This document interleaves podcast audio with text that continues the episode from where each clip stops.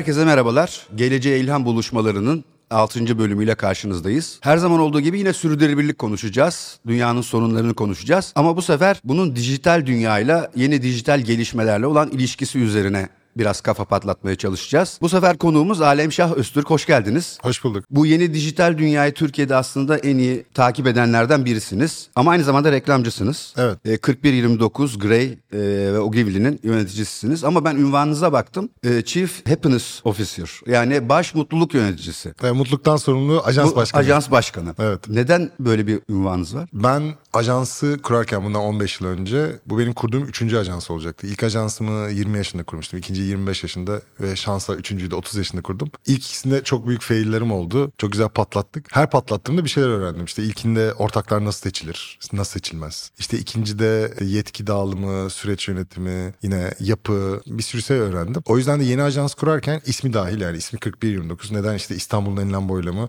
ama aynı zamanda global bir isim olarak da kullanılabilir Türkçe değil. O yüzden böyle her şeyi farklı yapmaya çalışıyorduk. Bir farklı bir kültürle başladık ve bu başladığımız kültürün de temelinde iki tane şey vardı. Gerçek vardı. Bir tanesi motive ve yetenekli insanları işe koşmak zorunda değilsin. Onlar çünkü zaten istedikleri için yapıyorlar. O yüzden biz dedik ki istek, arzu, karakter yetenekten daha önemlidir. Birinci kuralımız buydu. İkinci kuralımız da bu ünvan konusu özellikle reklamcılıkta çok abartılan bir şey. İşte böyle herkesin bir ünvanı var uzun uzun. İşte C ile başlayan, D ile başlayan. Ondan böyle mümkün olduğunca kaçmak istiyordum. Şirket kültürü olarak da. O yüzden de böyle aslında bu ünvanların gerçek anlamları ne diye sorgulamaya başladım. Hani işte Chief Executive Officer, CEO hani execution bir şeyleri yapıyorsun falan. Dedim benim, benim işim gerçekten bu mu? Çünkü ben hani hiç kendimi öyle mutlu gö- hayal edemedim o pozisyonda. Sonra böyle biraz derine inince dedim ki benim işim, benim işim aslında ne? Hani unut ünvanları. Benim işim ne? Bir yönetici olarak, bir reklam ajansı yöneticisi, bir kreatif iş insanı olarak aslında iki tane göreve indirdim çok basitleştirip. Bir tanesi benimle beraber çalışan insanların mutluluğu. Diğeri de benim iş yaptığım müşterilerin mutluluğu. Yani benim müşterilerim mutluysa, benim çalışanlarım mutluysa benim işim tamam yani. O zaman dedim ki hani benim asıl görevim bu. O zaman ben bir execution'dan sorumlu değilim. Aslında insanların mutluluğundan sorumluyum. O yüzden de Chief Happiness Officer diye bir title uydurdum. Bir ünvan uydurdum. Ama çok ilginç bir şekilde ben bu ünvanı işte 15 yıl önce uydurduktan sonra böyle dünyanın her yerinden mail almaya başladım. İşte bu title'ın arkasında ne var? Hani nasıl bir düşünceyle bunu kurdunuz? Sürekli yazıyorlar anlatıyorum. Dünyanın çeşitli yerlerinde bu konuda konuştum. Hatta bununla ilgili bir kitap yazdı biri içinde, içinde benden de bahsediyor. Ve yıllar içinde de birden fazla Chief Happiness Officer çıkmaya başladı. O yüzden çok seviniyorum e, böyle bir değişim kafası açtığımı. Çünkü bence temelde iş kadar çok vaktimizi alan bir şeyin bizi tatmin ediyor olması çok kritik. Ve bu tatmin asla sadece finansal olmuyor. Finansal zaten hani olması gereken şey. Onun üzerine hani ne yapıyorum, neden yapıyorum ko- sorularına düzgün cevap verebilmek gerekiyor bence. En azından benim için öyle. O yüzden de böyle biraz daha mutluluğa ve ne diyelim tatmine ve inisiyatifik dayalı bir kültür yaratmaya çalıştık. Aslında bir yandan da bu dünyanın da durumuyla ilgili yani mutluluk Çok. sonuçta bütün bu sürdürülebilirlik konuşmalarında ben geliyor bir yere dayanıyor. Aslında insanların bu gezegende mutlu bir şekilde yaşayabilmesini sağlamak. Hani en kolay cümleye, en basit cümleye indirirsek mutluluk temel bir şey. Peki bu yeni dijital dünyayla mutluluk arasında nasıl bir ilişki var? Çünkü aslında çeşitli araştırmalar var. Bazıları mutluluğun azaldığını söylüyor. Bazıları ise aslında mutluluk azalmıyor. Bu dijital teknolojilerle belki de tekrar mutlu olabilmesinin de kapıları açılıyordu. Bu konuda ne düş- düşünüyorsunuz? Bu konuda iki tane farklı düşüncem var. İkisi birbiriyle çarpışıyorlar sık sık. Bir tanesi sosyal medya gibi araçlar işte fear of missing out gibi konseptlerle bir şeyleri kaçırıyorum korkusu gibi konseptlerle ya da sürekli kendini göstermek zorunda olma gibi hislerle ya da sürekli sadece hayatının çok küçük ve eğlenceli kısımlarını paylaşan işte influencerları, ünlüleri görüp Aa, bunların hayatı ne kadar güzel, benim hayatım niye böyle değil? Aynı dünyada yaşamıyor muyuz? Aynı ülkede yaşamıyor muyuz? Aynı şehirde yaşamıyor muyuz? Sorusunu sorup bundan dolayı böyle depresyona, karanlığa düşen çok fazla insan var. Ama bu sosyal medyaların suçu mu? Evet biraz onların suçu. Ama onlardan çok aslında kullanıcıların suçu. Çünkü bu şey gibi hani işte insanlar öldürmüyor silahlar öldürüyor. Hayır, Biraz insan- yaklaşımla evet, ilgili bir durum. Evet yani insanlar öldürmüyor silahlar öldürüyor doğru mu? Değil. Ama silahların sahiplenmesini bu kadar kolaylaştırırsa insanlar daha kolay öldürür mü? Evet öldürür. O yüzden de mutlaka tabii ki son kullanıcı hala sorumlu. Ama şu an sosyal medya bizim kötü hissetmemizi çok kolaylaştırdı. Kendimizle ilgili. Reklamcılığın da bunda bir payı olmuyor mu? Bence reklamcılıktan ziyade çünkü reklamcılık biraz daha bir şeyleri satmak, bir şeyleri anlatma derdi. Sosyal medya daha çok insanların ürettiği ve insanların kurgusal olarak yarattığı hikayelerle seni basıyor. Yani bir markanın Instagram hesabında gördüğün bir şeyden dolayı depresyona düşmüyorsun. Çünkü onun reklam olduğunu biliyorsun. O bir kurgu. Ama sosyal medya tamamen gerçek. Evet takip ettiğin bir işte ünlü ya da bir ünlü bile değil bir influencer. Hani senin gibi bir insan olduğunu düşün. Sadece senden daha fazla takipçisi var. İşte bir bakıyorsun sürekli markalarla bir şey yapıyor. Çok güzel yerlerde yemek yiyor. Sürekli tatilde. Hep mutlu. Hep mutlu. Hep mutlu. Hiç derdi yok. Her şey çok güzel. Öyle olunca insan diyor ki yani hani ben nasıl bir dünyada yaşıyorum. O yüzden bence bir neyin gerçek neyin kurgu olduğunu ayırmak bence önemli bu tarz kanallarda. Bir de işte hani kendi değerini bilmek ve kendini sevmek çok önemli. Bunların başarılması zorlaştı. O konuda seninle aynı fikirdeyim. Yani bugün sosyal medya ve bugün dijital bizim kendimizi iyi hissetmemizi zorlaştırdı. Bunun da tersi başka bir akım var. O da ne? İşte mindfulness, anda kal, işte hep mutluyuz, işte manifestation dünyaları. Onu da aşırı buluyorum. Çünkü yani hayat hep mutlu olmak üzerine yaşanabilecek bir şey değil. Hayatı hayat kılan şey aslında çektiğimiz acılar. Çünkü yani spor yaptıysan bilirsin hani önce bir ağırlık kaldırdığında... No pain, no gain. Aynen. Onun bir temeli var ya o da şu. Onun onun bir bilimsel sebebi, sebebi var. O da şu. Sen işte mesela ağırlık kaldırmaya başladın. Belli bir ağırlığın üzerine kaldırdığın zaman kasların yırtılıyor. Kaslar yırtılıp arıları açılıyor. Ve oraya yeni kaslar doluyor. Kas öyle büyüyor. Kasın büyümesi için önce yırtılması lazım. Önce acı çekmen lazım. Sonra kas büyüyor ve güçleniyorsun. Bütün hayat böyle. Bütün hayat böyle. Önce acı çekeceksin, bir yerler yırtılacak. Sonra oraları dolduracaksın ve sen öyle büyüyeceksin. O yüzden de içinde acı olmayan, içinde çaba olmayan, içinde efor olmayan bir hayattan biz zaten çok mutsuz olurduk. Yani her şey sana geliyor, her şey hazır. O zaman amacını kaybetmiş oluyorsun. Ve aslında mutluluk da amaçtan geliyor. İşte mesela bu purpose, advert, purpose konusu çok konuşuluyor ya senin de söylediğin gibi. Sürdürülebilirlik içinde en çok konuşulan konu amaç. Markaların amacı olması lazım. Markaların dünyayı temizleyecek. Hikayesi olması lazım. Hikayesi olması lazım. İşte amaç o yüzden önemli. Çünkü amacı olmayan bir insan mutsuzdur zaten. Ve bugün bize amacımızın ne olduğu sorusunu kendimize sormamızı unutturacak şekilde yaşıyoruz. Niye işte sürekli televizyon seyrediyoruz, sürekli sosyal medyadayız, sürekli birilerinin hayatına böyle acayip yükseliyoruz ve kendi hayatımızdan nefret ediyoruz. Ve bunların sonunda da kendimize bu soruyu sormuyoruz. Yani benim amacım ne? Ben ne yapıyorum? Ben niye Kendimizi buradayım? dinlemeye biraz vakit de kalmıyor mu? hiç yani vakit kalmıyor değil bence vakiti ayırmıyoruz. Yani arada bir fark var. Çünkü hani işte bende bile oluyor anladın mı? İşte bakıyorum bütün arkadaşlarım bilmem nereye gitmiş. Ben niye orada değilim? E istemedim gitmedim yani aslında cevabı çok basit. Hani istersem giderim. Hani bugün gitmek istemedim. Ama onu düşmek yerine şey oluyorsun. Neyi kaçırdım bu akşam acaba? İşte onlar orada ben buradayım. Neyi kaçırdım? Ve hani bu herkese için böyle. Hani en küçüğünden en büyüğüne. Bu bence en büyük problem. İkinci konu da teknoloji kullanımımız arttıkça teknolojiyle ilgili atıklarımız da artıyor. Ve bu atıklar sadece fiziksel atık değil, mental ve duygusal atıklar da var. Ne demek bu? İşte mesela bir Instagram hesabın varsa her gün bir şey post etme zorunda hissediyorsun kendini. Çünkü bakıyorsun ki herkes sürekli story atıyor. Sen de işte bugün ne storiesi atsam falan diye düşünüyorsun. Sonra story atacak bir şey bulamayınca ulan benim hayatım o kadar kötü mü? Bir hikayem bile Bir yok. hikayem bile yok. Ya, story atacak bir şey yok. Dur o zaman bir şey uydurayım ne yapayım? Kitap okuyorum gibi yapayım falan. Noktasına geliyor insanlar. Ve böyle olunca da yalancı hayatlara bakıp kendi yalancı hayatlarını yaratıyor insanlar.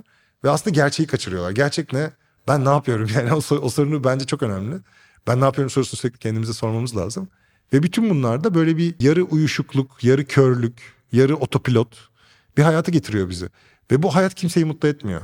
Çünkü amacın yok. Uğraştığın bir şey yok. Bir süreç ve sonuç ilişkisi içerisinde değilsin. Yani bir şey için uğraşıyorsun sonra oluyor ve bundan mutlu oluyorsun gibi bir şey de yaşamıyorsun. Çünkü böyle takılıyorsun.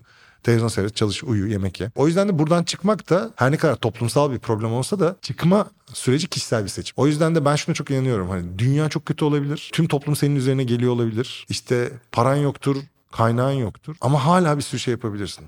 Niye? Çünkü internet aynı zamanda dünyanın en büyük bilgi kaynağı. Doğru yerleri bulursan. Bir şey öğrenmek istiyorsan öğrenebilirsin. Bir insana Twitter'da yazdığın zaman ya da mail attığın zaman ya da LinkedIn'de yazdığın zaman düzgün bir insansa cevap veriyor. Bir şey öğrenmek istiyorsan kayıt olabileceğin bedava okullar var. Kendini geliştirmek istiyorsan yapabileceğin tonlarca, milyonlarca şey var. Sonsuz içerik var şu an Bir internette. yandan da yani demokratikleştirme getiriyor. Herkesin Aynen. ulaşabilmesini Aynen. sağlıyor değil mi? Aynen şu an Stanford'ın birçok sınıfını bedavaya girebiliyorsun online. Kayıt olabiliyorsun. Stanford'dan mezun olabiliyorsun. O yüzden aslında yapabileceğimiz çok fazla şey var. Sadece çevresel, yakın çevre baskısı ve toplumsal baskıyla biz böyle daha light ve içi boş hayatlara doğru itiliyoruz. Bu akşam nereye gideceğiz? Gitme hiçbir yere. Kitap oku. Kendini geliştir. iki saat bir şey çalış. Yeni bir şey öğren değil mi? Yok bu akşam nerede içiyoruz? Bu akşam nerede takılıyoruz? İşte bu akşam kimin evindeyiz? Aman yalnız kalmayayım. Herkeste bir yalnız kalmama korkusu. Aman işte bir şey bir yerlerde olayım. Halbuki yalnız kalınca yalnız kalmak çok iyi bir ilaç. Çünkü yalnız kaldığın zaman kendini sorguluyorsun. Kendini sorguladığın zaman da her sorgulamacının sonucunda bir şey çıkar. İlerliyorsun. Bir ilerleme olur aynen. Sana der ki sen kendi kendine dersin ki ya ben ne zamandır X yapmadım. Ne zamandır kitap okumadım. Bir kitap okursun hayatın değişir. Ne zamandır işte şu arkadaşlarımı görmedim. Arkadaşlarınla konuşursun. Senin kafana öyle bir vururlar ki bir dakika lan ben ne yapıyorum dersin. O yüzden bütün bunları kaçırıyorsun. O döngünün içinden çıkarak. Başka bir daha fake bir döngünün içine girerek. Bence o yüzden çağımızın en büyük hastalığı farkındalığın olmaması. Yani biz farkında değiliz kendimizin. Bence şu an en büyük problemimiz bu. O kadar çok dışarıdan gürültü alıyoruz ki sosyal medyadan, çevreden, işte medyadan, işte hayatımızı rahatsız eden X, Y, Z sebeplerinden o kadar çok dışarıdan negatif enerji alıyoruz ki kendi içimize.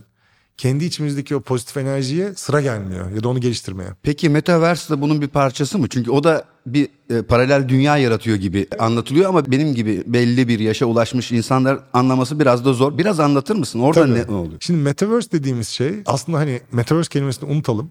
Metaverse dediğimiz şey aslında sanal dünyalar demek. İçlerinde kullanıcıların beraberce yani tek başıma değil beraberce birden fazla kullanıcı dünyanın çeşitli yerlerinden gelmiş kullanıcıların beraber bir deneyim yaşamasını sağlayan sanal dünyalar bunlar. Üç boyutlu sanal dünyalar. Bugün için bunun en yakın karşılığı ne? Oynadığımız üç boyutlu oyunlar. İşte çocuğun varsa Fortnite oynuyorsa Fortnite bir Metaverse. Öyle düşünebilirsin. Fortnite bir sanal Bir dünya. alan, bir evren yaratıyor. Bir içinde evren dolaşıyorsun. Var, bir evren var, içinde insanlar var, içinde yapabileceğin şeyler var. Bu yapabileceğin şeyler konser dinlemek de olabilir, oyun oynamak da olabilir. Bir dükkan gezip alışveriş yapmak da olabilir. Arkadaşlarınla işte sanat galerisi gezmek de olabilir. Fark etmez. Ama bu dünyanın içerisinde sosyal, beraber aktiviteler yapabiliyorsun. Zamanını burada geçirebiliyorsun. Ve bu geçirdiğin zamanından e, keyif almanı sağlayacak farklı çözümler ve aktiviteler var. Tabii bu işin sadece eğlence tarafı için değil. Bu işin okul tarafı için de böyle. Ben mesela ileride mühendislik okulları Metaverse içinde verilebilir. Niye? Çünkü sen bir makineyi üç boyutlu olarak oraya ortaya koyacaksın. Normal okulda bunu yapamazsın belki. Dev makineyi koyamayacaksın. Bir uçak jetini koyamayacaksın belki. Bir de herhangi bir yerdeki bir okula koyabileceksin. Herhangi bir yerdeki okula koyamam. Ama ben Yani bunu Metaverse'de yapacağım. Ama bunu Metaverse'de yapacağım. Uçağın işte düşünsene. Metaverse'desin. Uçağı koyu böyle havada gösteriyorsun. Sonra işte motora tıklıyorsun. Sadece motor geliyor üç boyutlu olarak. Tıklıyorsun parçalarına ayrılıyor. Her parçayı anlatıyorsun. Sonra diyorsun ki birleştirin. İnsanlar birleştirip öğreniyorlar. Yani bu yeni teknoloji bizim öğrenme şeklimizi çok değiştirecek. Bizim içerik tüketme şeklimizi değiştirecek. Şöyle düşün. İşte mesela Phantom of the Opera. Operadaki hayaleti seyrettiysen Broadway ya da işte İngiliz versiyonunu ne olur bir noktada o salonun tepesindeki avize böyle aşağıya doğru bir sallanır. Bir böyle bir ruh bir şey olursun. Ne oluyor gerçekten de gidiyor mu falan olursun. Bir heyecan yaşarsın. Şimdi şunu hayal et. İşte taktın kafaya headset'i girdin operaya ama sanal dünyada metaverse'te ve işte operanın içerisinde o sahnede mesela işte seyrediyorsun. Sen de seyircilerden birisin. Gerçekten oturuyorsun şeyin içinde. Metaverse'in içerisinde. Ve mesela o avize gerçekten düşüyor ve patlıyor. Ve işte arkadan dev bir fantom çıkıyor. Normal insan boyutlarına değil dev. Ve şarkı söylemeye başladıkça bütün tiyatro kendi içine kapanmaya başlıyor mesela. Sen böyle bir deneyim yaşayacaksın. Ve o operayı aldığın haz, onunla yaşadığın ilişki bambaşka bir şeye dönüşecek. O yüzden sanal dünyalar ya da bu tarz sanal metaverse'ler yaratıcılığın, teknolojinin ve bazı fiziksel sınırlarının ötesine geçecek. Bu ne demek? İşte eğitim. Dünyanın neresinden olursa oraya bağlanıp okuyabilecek bir tane avatar. Beyaz mısın, siyah mısın, Afrikalı mısın, Türk müsün kimsenin umurunda değil. Öğrenmeye geldim buyur öğren. İstiyorsan kurbağa olarak gez yani. Ya da işte müzik, sanat bunları seyretme, tüketme, öğrenme şekillerimiz değişecek. Öteki tarafta işte e, çevre kirliliği için inanılmaz bir şey. Çünkü ben mesela bir bina yapacağım diyelim. Bina ile ilgili testlerin tamamını fiziksel değil dijital ortamda yapabiliyorum. Ya da işte bir yeni ayakkabı üreteceğim. O ayakkabının bütün test süreçlerini fiziksel yapmama gerek yok. Dijital yapabiliyorum artık. Blockchain'i kullanarak, Metaverse'ü kullanarak, virtual reality ile. Ve o virtual reality ile yarattığım şeyi, sanal dünyayla yarattığım şeyi augmented reality kullanarak, hani telefonumu kullanarak kendi ayağımın üzerinde görüp Aa, evet güzel gözüküyormuş diyebiliyorum şu an tamamen. Bunlar için mesela hiç üretime girmeme gerek yok. Doğal olarak atık da üretmiyorum öyle olunca. Çevreye de daha iyi bakmış oluyorum. E diğer taraftan birçok yeni iş fırsatı çıkıyor. O yüzden dünya için iyi. Çünkü yeni bir iş alanı açılıyor burada. E diğer taraftan bütün bu biraz önce konuştuğumuz açık internet dediğimiz kültüre de bağlanıyor. Bu ne demek bu? Yani öğrenmek istiyorsan şu an her şeyi öğrenebilirsin Metaverse ile ilgili. Metaverse kurmak dahil. İşte Unreal Engine, Unity bunların kodlamasını internetten bedava öğrenebilirsin. Üç boyutlu modelleme öğrenebilirsin. İşte bu hafta belki görmüşsündür. Bu Chat GPT'nin yenisi çıktı Evet. ve insanlar aklını kaybettiler. Günlerdir herkes onu test ediyor. İşsiz kalacağım diye Aynen da var. aynen. Yani şöyle şeyler var. Tiyatro oyunu yaz diyorsun. Tiyatro oyunu yazıyor. Bana şöyle bir tiyatro oyunu yaz diyorsun. İşte şu, şu karakterler olsun. Aralarında şöyle bir tartışma olsun. O tartışmayı yaz diyorsun. Tartışmayı yazıyor. Dört dilde yaz diyorsun. Dört dilde yazıyor. Şimdi bunu bir HTML sayfaya çevir diyorsun. Sayfanın içerisinde şunlar olsun. Şöyle görseler. Yapıyor. O yüzden de şimdi hani yapay zeka geliyor. Bütün bu dünyaları değiştirecek. İş süreçleri kolaylaşacak. Sanal bir gerçeklik içerisinde biz başka bir dünyada çalışabileceğiz, öğrenebileceğiz, sosyalleşebileceğiz. O yüzden Metaverse en basit Türkçeyle anlatmak istersek üç boyutlu internet. Yani bizim bugün iki boyutlu diye yaşadığımız internet birden tamamen üç boyutlu olacak. Bu tabii birden olmayacak. Önümüzdeki 5 lira 20 yıl içinde olacak.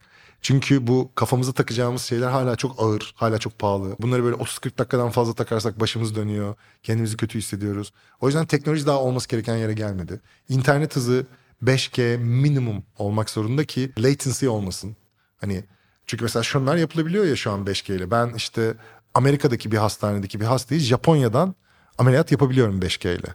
E şimdi buna bir de sanal dünyayı virtual reality'ye ekle. O zaman biz ikimiz mesela senle aynen böyle bu kalitede bu görsel Buraya kalitede- gelmene gerek kalmayacak yani. sen Japonya'dasın ben Türkiye'deyim ve böyle konuşuyoruz. Niye? Çünkü internet o kadar hızlı, data bu kadar rahat iletiliyor ve o datayı bu kalitede render edecek bilgisayarlar var artık. O yüzden de teknoloji ve bağlantı hızı daha kolay erişilebilir ve daha yaygın olduğunda bu da önümüzdeki 5 lira 10 yıl olduğunda bu konu birden patlayacak. Aynen bugün AI'nin patlıyor olması gibi. Neden AI bugün bu kadar konuşuluyor? Çünkü öyle bir chat GPT-4 e, betası çıktı. İnsanlar bir dakika bu kadar şey yapılabiliyor muymuş şu farkında değillerdi. Şimdi farkına varıyorlar. Farkına varınca ne olacak? Bunun üzerine fikir geliştirmeye başlayacaklar. Yeni business'lar çıkacak, yeni dünyalar belirecek. O yüzden çünkü bizim zihnimiz şöyle çalışıyor.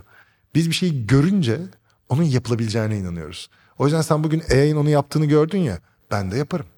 Çünkü yapılıyor. Biri yaptıysa ben Biri de yaparım. yaptıysa ben de yapabilirim. O zaman düşünmeye başlıyorsun. Bizim zihnimiz öyle çalışıyor. Yani şöyle düşün. Biz uçan daire görsek gerçekten bir tane inse maksimum 5 yıl içinde biz de uçan daire yaparız. Çünkü şey abi yapılabiliyormuş işte nasıl yapıldığına bakalım olur en kötü yani. Yani öğrenmeye... Tersine mühendislik yapar Aynen. öğreniriz diyorsun. Bizim zihnimiz çok adaptif. Bizim zihnimiz çok hızlı yeni durumlara kendini ayarlayabiliyor. Yeni bilgiye de kendini ayarlayabiliyor. Ya düşünsene sosyal medya yani işte 15 yıl önce Facebook yeni başlamıştı. Bugün Facebook kullanmıyoruz. Hani Facebook mu filan modundayız. O yüzden de ve 15 bin yani 15 yıl insanlık tarihi için hiçbir şey. Geçenlerde bir tane haber vardı belki görmüşsündür. İlk ateşin bundan 780 bin yıl önce yandığını buldular. Bir tatlı su gölünün yakınlarında kalıntı buluyorlar. Balıklar pişirilmiş 780 bin yıl önce. Ateş. 15 yıl. Hiçbir şey değil yani. 50 yıl, 20 yıl hiçbir şey değil. Ama yaşayacağımız breakthrough'un büyüklüğünü düşünürsen yani işte internet iki boyutluydu, üç boyutlu oluyor. İşte oyun, sinema, işte uzaktaki biriyle iletişim kurmak o kadar kolaylaşacak ki. Ve o kadar gerçeğe yakın bir hisse dönüşecek ki. Bir süre sonra bunun büyük, büyük bir kültürel değişimi olacak. Nedir o? Fiziksel görüşmeyle virtual görüşme birbirine yakın hislere dönüşecek. Çünkü mesela bugünkü Genze ile konuşursan işte benim de ikizlerim var arada konuşuyorum. Ya arkadaşlarımla işte Discord'dan konuşmak yerine niye buluşmuyorsunuz diyorum. Böylesi daha keyifli diyor. Yani hani yüzde buluşmak yerine iki tane evde aralarında işte iki kilometre var. Yazışmayı tercih ediyorlar. Ve hani bunu anlatamıyorsun ona.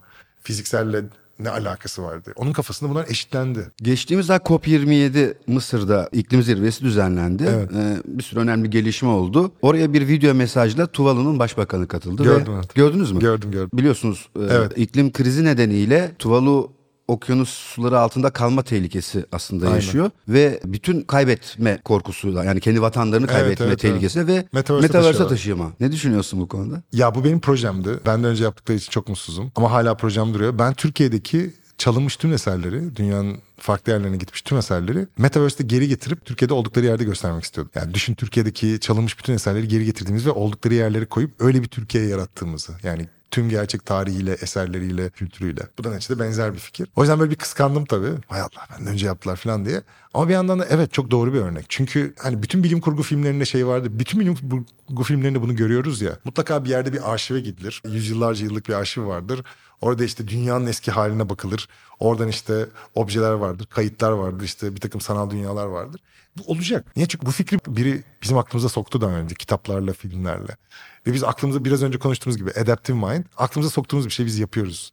Ve bu çok doğru bir çözüm. Yani tarihte kaybolacak her şeyi şu an bizim birebir neredeyse birebire yakın bir deneyimle tutabilme şansımız var. Bütün eski büyük binaları, piramitleri içiyle dışıyla. Yani sadece dışarıdan görünen bütün içiyle dışıyla. Muhafaza, dijital haliyle muhafaza etme şansımız olacak. Tabii kendilerini de muhafaza edebilmemiz çok önemli. Aynen. Tuvalu inşallah yani umarım Gerçek iklim dünyada. kriziyle mücadele İnşallah. başarılır ve aslında bunu yaşamaz ama Ama konu her zaman iklim olmayabilir. Konu bir deprem de olabilir. Bir Evet. depremde kaybettiğim bir yerde olabilir. Konu işte bir yanardağ patladığı için olan bir şey de olabilir. Herhangi bir felaket sonrasında engel kaybedilen- olamayacağımız bazı şeyler. Engel olamayacağımız bazı şeyler olabilir. Ee, ya bunun mesela daha da çılgın versiyonları var. Şu an teknoloji neredeyse şuna izin veriyor. Barış Manço ya da işte Atatürk. Tamam mı? Atatürk'le ilgili yeterince data varsa elimde kayıtlı data. Ben Atatürk'ü yapabilirim AI ile. Yani Atatürk gibi konuşturabilirim. ve düşündürebilirim. Teknoloji buna çok yaklaştı. O yüzden mesela bir süre sonra şöyle olacak. Çok değerli bir bilim adamı var ölecek. Adamın bütün datasını alıp belki yapay versiyonunu yapacaksın yapay zekayla. Ve onun gibi fonksiyon eden bir versiyonu çıkacak belki önümüzdeki 50 yıl içerisinde.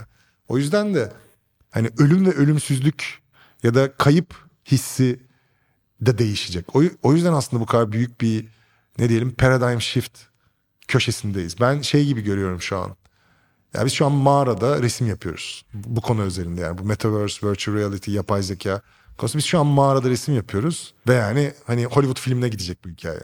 O yüzden biz şu an şey modundayız. Yani duvarlara bakıp ne çizsem diye hayal ediyoruz. Ama konu Hollywood filmine gidecek. Ya, o hiç hayal edebileceğimizi, yani hayal edebileceğimizden daha başka bir yerlere gideceğinden eminim. Yani teknoloji sonuçta insan yapımı bir şey. Aynen. Ee, insanların kullandığı bir şey.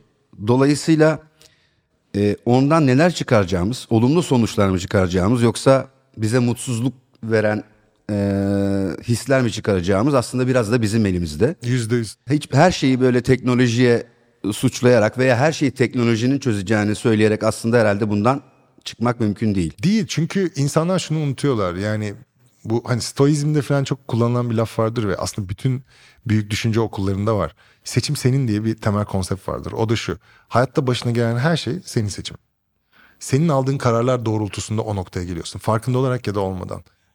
Bunu kabul edersen bu büyük bir rahatlık getiriyor sana. Kontrolün sende olduğu hissini de hatırlatıyor. Bir yere kadar. En azından kendi aksiyonlarının kontrolünün sende olduğunu hissini hatırlatıyor. Ve yani biz çaresiz değiliz. Bir şey değişmesi gerekiyorsa bunu değiş, değiştirebilecek kapasiteye sahibiz. biz Ayrıca bunu sadece olarak. bireysel değil kolektif olarak Aynen. da yapabiliriz. Ve zaten asıl gücümüz o. Yani Homo sapiens'in kurtulmuş olmasının sebebi fiction yaratmış olması ya. Bir hikaye anlatabilmesi.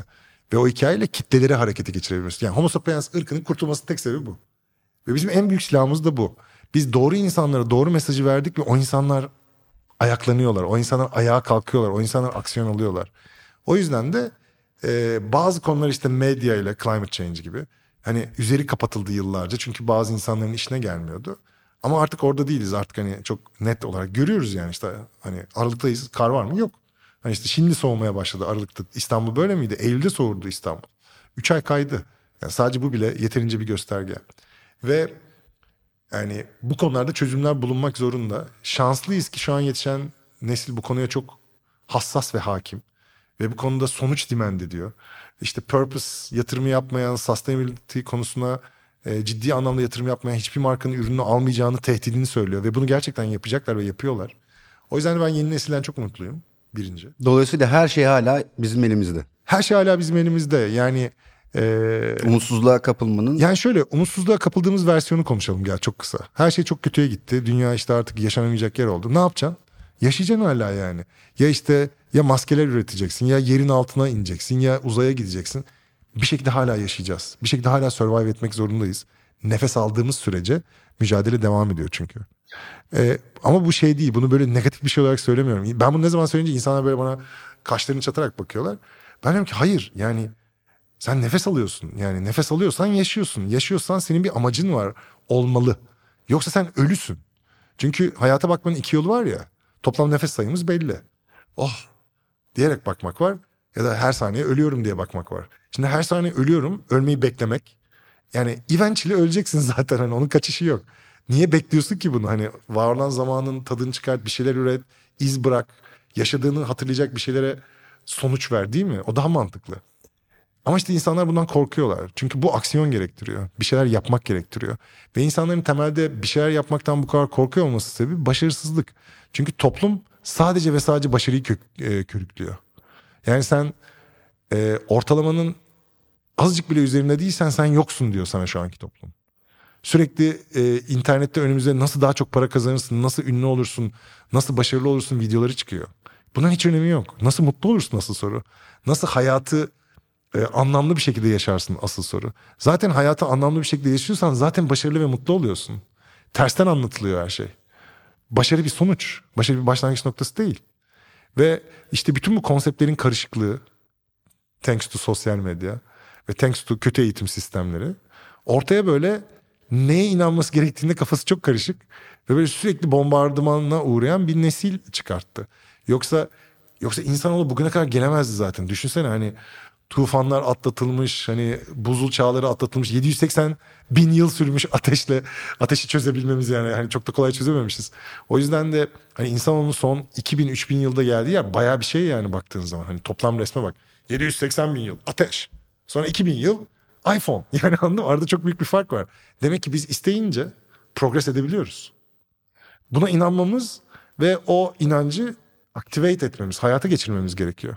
Her konuda böyle. Yani işte eğitimde de böyle, şiddette de böyle, climate change'de de böyle. Problem aynı. Problemin temelinde biz yatıyoruz zaten. İnsan. Öldüren de insan, kirleten de insan, kötü davranan da insan. Tersine koruyan da, seven de, büyüten de insan. Bu seçeneklerden birini seçip diğerini seçmemesini sağlamamız lazım. Asıl soru bu zaten. Yoksa teknoloji interface. Yani teknoloji şuralarda bir yerde. Bizim derdimiz burada, kalpte ve kafada aslında bence. Çok teşekkür ediyorum. Rica ederim. Bence bu son sözler aslında e, oturumumuzu e, çok iyi özetledi. Çok sağ ol. E, umarım in- dinleyicilerimize de daha çok e, umut vermişizdir. Çok Öyle hissediyorum ben de. Çok sağ ol. Çok teşekkürler. Evet, e, bu programın da sonuna geldik. E, bundan e, mutluluk konusu gerçekten önemli. Mutluluk ve umut e, hala var.